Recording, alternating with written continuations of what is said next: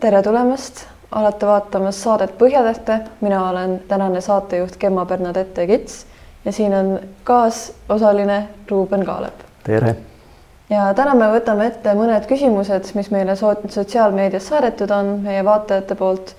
ja esimeseks küsimuseks sissejuhatusena võtame siis, et milline näeb välja traditsiooniline loodusega kooskõlas elamine tänapäeval? äkki alustad sina, Ruuben?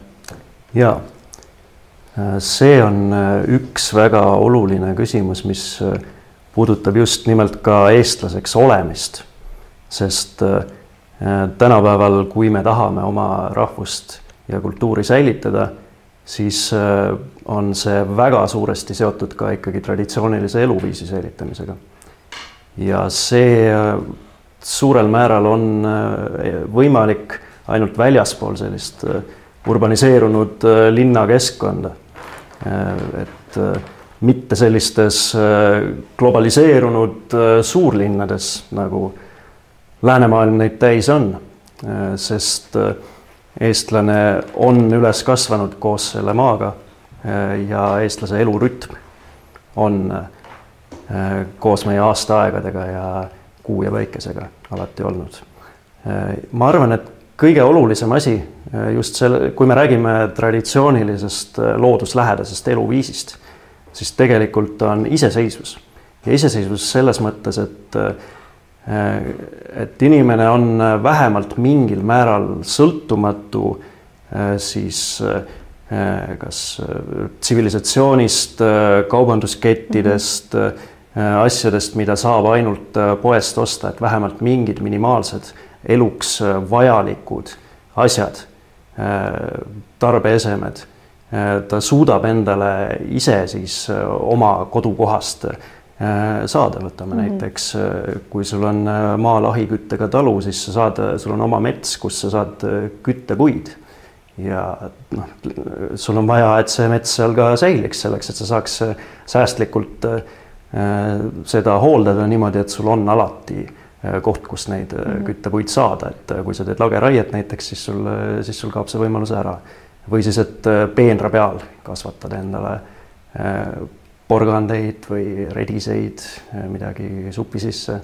noh, kui äh, jah, materialistlik niisugune äh, nagu esemete ja selline iseseisvus on väga tähtis ja näiteks äh, kindlasti on tähtis ka vaimne iseseisvus riigil, kui äh, näiteks on väga palju noh, lääne mõjusid või igasuguseid nagu väliseid mõjusid ja kõik nagu niisugune popkultuur ja kõik tuleb tegelikult meil enamjaolt väljastpoolt siis see on, see on ju ka üks suur oht selle, selle noh, meie põlise eluviisi vastu, et et kui Tallinnas näha, siis enamus nagu reklaamid on, on pigem väljastpoolt maailmast mingisugused äh, kanalid, Disney või et äh, mitte ainult materialistlik iseseisvus, vaid äh, vaid just, ma just käisin Poolas, seal oli väga huvitav näha, et et isegi nagu Poola on selline väga rahvuskonservatiivne riik, aga sealgi pealinn on tegelikult täis nagu pigem,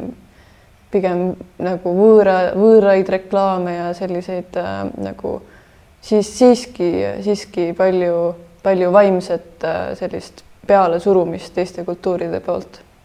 see on jah, kahjuks äh, igal pool, isegi äh, siin Ida-Euroopa maades, kus on ju säilinud palju rohkem ikkagi eneseteadvust ja ja sidet oma rahvuse ja maaga, aga noh, selline globaalne tarbimiskultuur on ikkagi igale poole jõudnud.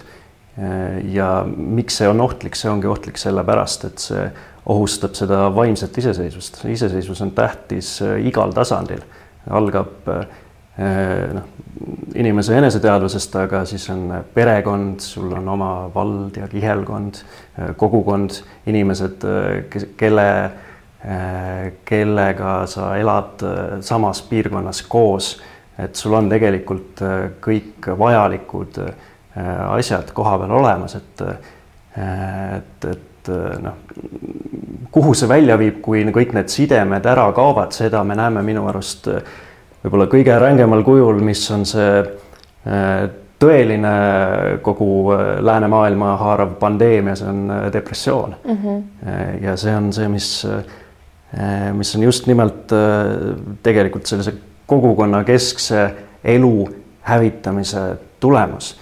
et kui sul ei ole enam perekonda, sõpru, kelle juurde sa saad pöörduda mm, -hmm. näiteks kui sul on äh, mured, äh, kui sa, sul on vaja sellist äh, vaimset tuge, vaid sa lähed psühhiaatri juurde, kes kirjutab sulle mingi tableti välja ja kõik on nagu noh, see on lihtsalt üks näide, aga kõik, mis iganes inimese vajadused on ju taandatud mingiks nii-öelda tabletiks, mis mhm. sulle antakse sisse või siis mingi toode, mida sa kasutad ja siis see nagu rahuldab su vajaduse. jah, kui ma mõtlengi depressiooni peale, kui inimesel on näiteks mingi nagu sügav depressioon, siis äh, või üle, üleüldiselt äh, selle põhjustajateks minu meelest on see, et kui inimene on väga eraldunud päris maailmast, päris inimestest, kui inimene noh, ütleme niimoodi, et inimene ta ei käi väljas tavaliselt, tal ei ole mingit põhjust ka väljas käia, sest seal ei ole midagi head, kui näiteks inimene on kasvanud üles modernistlikus äh, linnas või niimoodi, et siis on väga raske tihti põhjust leida üldse, et motiveerida. Äh, ja see ongi noh, suur, suur põhjus just, miks äh, see depressiooni pandeemia ju levib, et eriti kui tal on kodus olemas kõik virtuaalreaalsus ja, ja kõik see..., mis nagu asendab seda päris maailma ja päris suhtlust. sellepärast ongi tähtis äh, see looduslähedane elu, eluviis, sellepärast et siis inimesel äh, säilib see noh, vitaalsus ja see eluenergia. ja mm. -hmm. et äh, eriti äh, kui sul on see kokkupuude just äh, loodusega, ütleme noh, linnas sul on pargid, maal on äh, metsad, eks ole, kus äh, või, või äh, kõikvõimalikud maastikud, millega kokku puutudes tegelikult äh, seda on raske sõnadesse panna, aga see mõju inimesele, et see, äh, kuidas see hoiab seda vaimset tasakaalu mm -hmm. kasvõi. et, et sul on see keskkond ümberringi, mida tegelikult inimesel on vaja et.... tihti inimesed unustavad ära, kui nad on pikalt sellises läänelikus ühiskonnas välismaal või üldse linnas, siis nad unustavad ära üldse, mis tunne nagu oli, oli, äh, mis tunne on nagu päriselt olla maal ja mm -hmm. oma maakodus või äh, lõket teha niimoodi. noh, kui nüüd jaanipäev tuleb, siis kõik äh, muidugi Eest, Eestis lähevad kõik maale ja saavad seda uuesti kogeda. selles mõttes meil on sellised tavad alles mõningal määral, aga aga sa tõesti unustad ära selle, mis tunne see üldse oli ja siis sa, sa ei tea, mida igatseda ja sa ei tea, mis see põhjus on sul. et sa saad oma emakeelt rääkida, et sul mm -hmm. on see äh, hingeline suhe selle kaudu esivanematega olemas, et äh, kujuta ette, kui sa näiteks oma lähedaste inimestega, sa ei saa oma emakeeles rääkida, pead mingit, ma ei tea, inglise või mingit äh, muud võõrast keelt kasutama, et et sa ei saa äh, oma hinge väljendada mm -hmm. neile inimestele, keda, kellele tegelikult peaks. omaenda emakeeles. vaatame veel, mis küsimusi meile on tulnud siit. Ähm, näiteks äh, küsiti, et äh, milline näeb välja siis etnofuturistlik Eesti, sina mm. oled väga suur etnofuturist, etnofuturismi entusiast.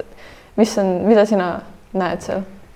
jah, kõigepealt peaks sõnastama, et äh, mis on etnofuturism, et mida selle all mõelda, et see on äh, see idee, et vastused kõigile neile äh, modernse maailma probleemidele me leiame tegelikult äh, oma põlisest tarkusest.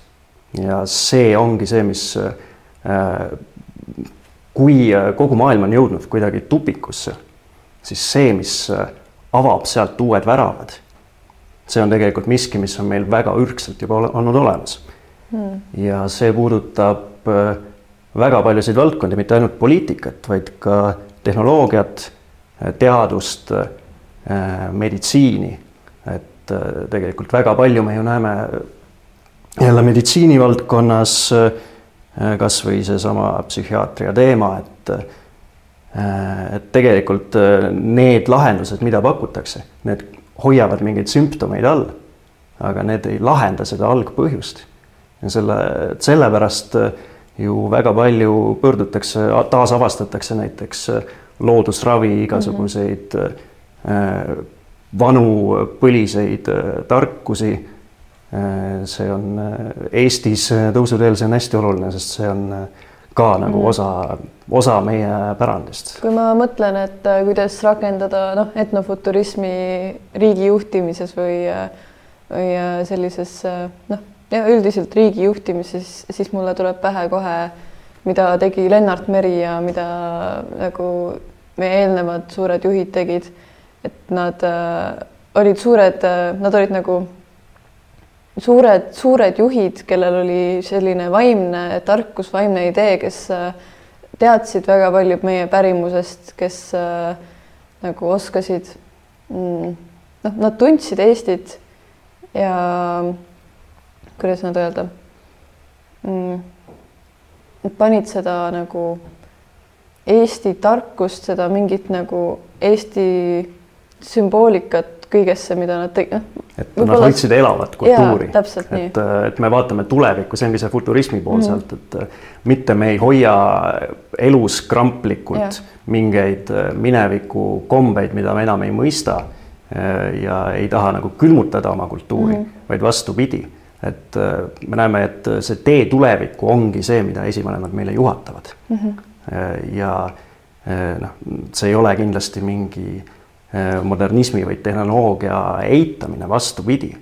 et noh, teaduses on ju või teadusfilosoofias laiemalt on see suundumus tänapäeval, et et, et need Äh, põhitõed, mida viimased paarsada aastat on ükskõik mis valdkonnas usutud, et äh, need tegelikult äh, kuidagi jooksevad, jooksevad kokku niimoodi mm, -hmm. et et, et uued teadusavastused või kasvõi mingid tehnoloogia väljakutsed, kvantmehaanika, tehisintellekt, biotehnoloogia ja nii edasi, et need on asjad kus tegelikult äh, vastuseid, kuidas inimene sellesse suhtuma peaks mm, -hmm. see filosoofiline pool. sellele ei saa enam noh, sellises, sellise materiaalse maailma paradigmadega vastuseid anda. et äh, see tegelikult äh, kutsub inimest tagasi mütoloogiasse ja mhm. vaimsusesse, sest mujalt lihtsalt sul ei ole vastuseid, et et mis need energiad on siis meie ümber, mis on need, need olendid või, või mingid mis iganes asjad, millega me kokku puutume mm -hmm. tulevikus kasvõi, kasvõi tehnoloogia kaudu uh,. jah, muidugi tehisintellekt, see on äh, selline teema, millest võib teinekord ka pikemalt äh, rääkida, see on, äh, selle kohta on üldse väga palju erinevaid noh, mõtteid, ideid, et, et tuleviku jaoks ja aga aga kuna meil on praegu niisugune väga päevakajane teema on haridus ja meil umbusaldatakse praegu siin äh, meie haridusministrit mm -hmm. ja sul oli soov rääkida ka natukene haridusest, siis äh, natuke valgusta meid, et äh, juhata, juhata mind sisse sinna. haridus, see on see küsimus, kuidas me nooremale põlvkonnale anname edasi äh, neid äh, tarkusi, mida meie oleme omakorda põlvest põlve saanud ja äh, kuidas me anname need vahendid, millega iga põlvkond saab endale tulevikku ise teed rajada tähtede poole. kuidas sa näed, et sinu esivanemad sinule selle on teinud, et sinu vanemad või ema ja isa, et, et milline on selline nagu hea näide mm, mida sa soovitaksid arendada eda- ja edasi anda? mul on väga hea näide, mu äh, ema oli äh, äärmiselt pühendunud sellele, et äh, sellist kultuuriharidust äh, oma lapsele äh,, mõlemale lapsele anda ja loodusharidust äh,, et äh, tema jaoks oli hästi oluline, et laps äh, kasvaks vähemalt osaliselt üles maal äh,, et äh, linnakorterist välja saada ja siis äh, kõik äh, lood, mida ta jutustas, äh, laulud, mida ta laulis ja raamatud, mida ta mulle lugeda andis, lõid juba hästi varases lapsepõlves sellise tugeva arusaama nii meie enda Eesti kultuurist kui ka kõigist maailma mm -hmm. kultuuridest ja mütoloogiatest tegelikult sellise kirju pildi, mida, mis on hästi vajalik selleks, et, et austada kõiki rahvuskultuure maailmas, mis ilma milleta tegelikult ei ole rahvuslust mm. -hmm. et kui meil on hästi tugevad juured ja kui me mõistame neid ka, sest noh, need juured nagunii on ja alateadlikult nad mõjutavad meid, aga seal on see teadlikkus mm, -hmm. see mõistmine. just see teadlikkus, et väga tähtis on just siis õpetada oma lastele, järgmistele põlvkondadele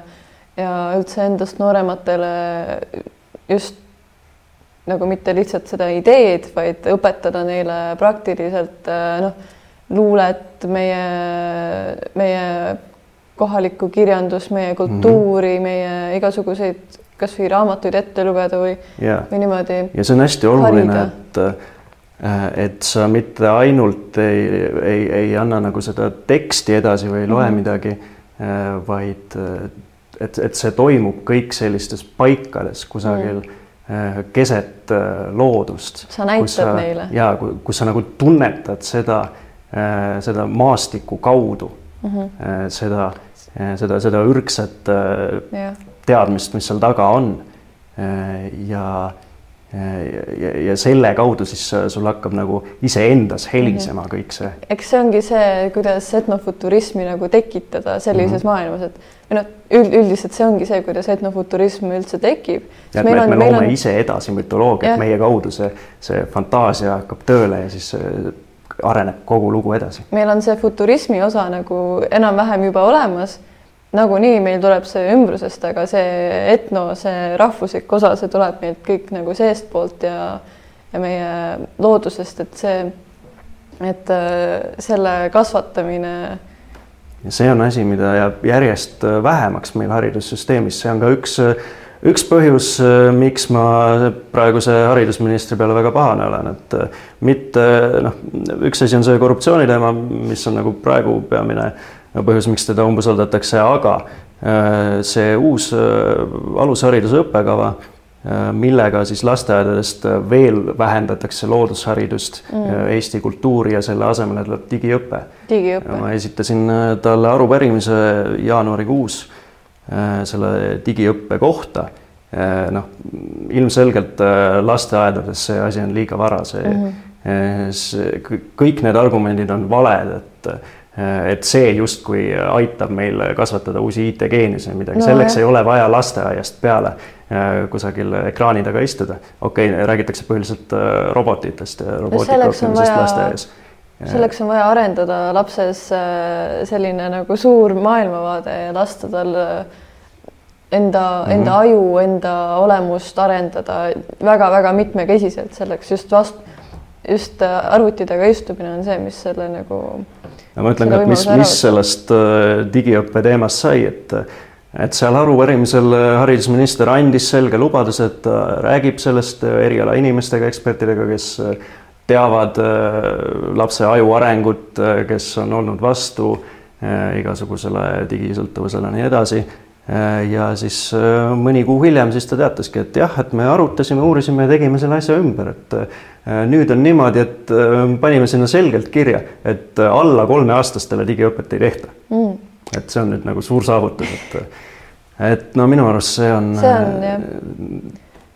noh see, see on, see ei ole ainult ühe ministri küsimus muidugi, see on see, et üldse nagu selline mõtteviis on mm -hmm. tänapäeval võimalik minu Eks arust. ideaalne oleks see, et igal lapsel on oma sihuke kool, kus on kodulootunnid ja õpib kohalikke yeah. pärimusi ja nagu näiteks noh, mul on sõpru, kes kasvasid Hiiumaal üles ja neil oli selline väike kool, kus õpetati kodulootunnis kohalikku kultuuri, mütoloogiat viidi nagu viidi igasugustele ringreisidele mööda Eestit mm. ja õpetati ajalugu kohalikku. see on nagu see, see, sellest olen ma väga palju vaimustavaid lugusid kuulnud, aga. Need on need viimased pelgupaigad, kus meie kultuur veel elab yeah.. peame nad äh, uuele elule äratama mm. -hmm.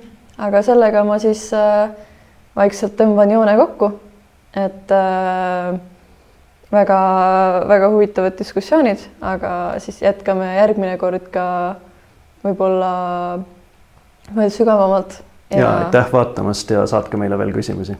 aitäh vaatamast.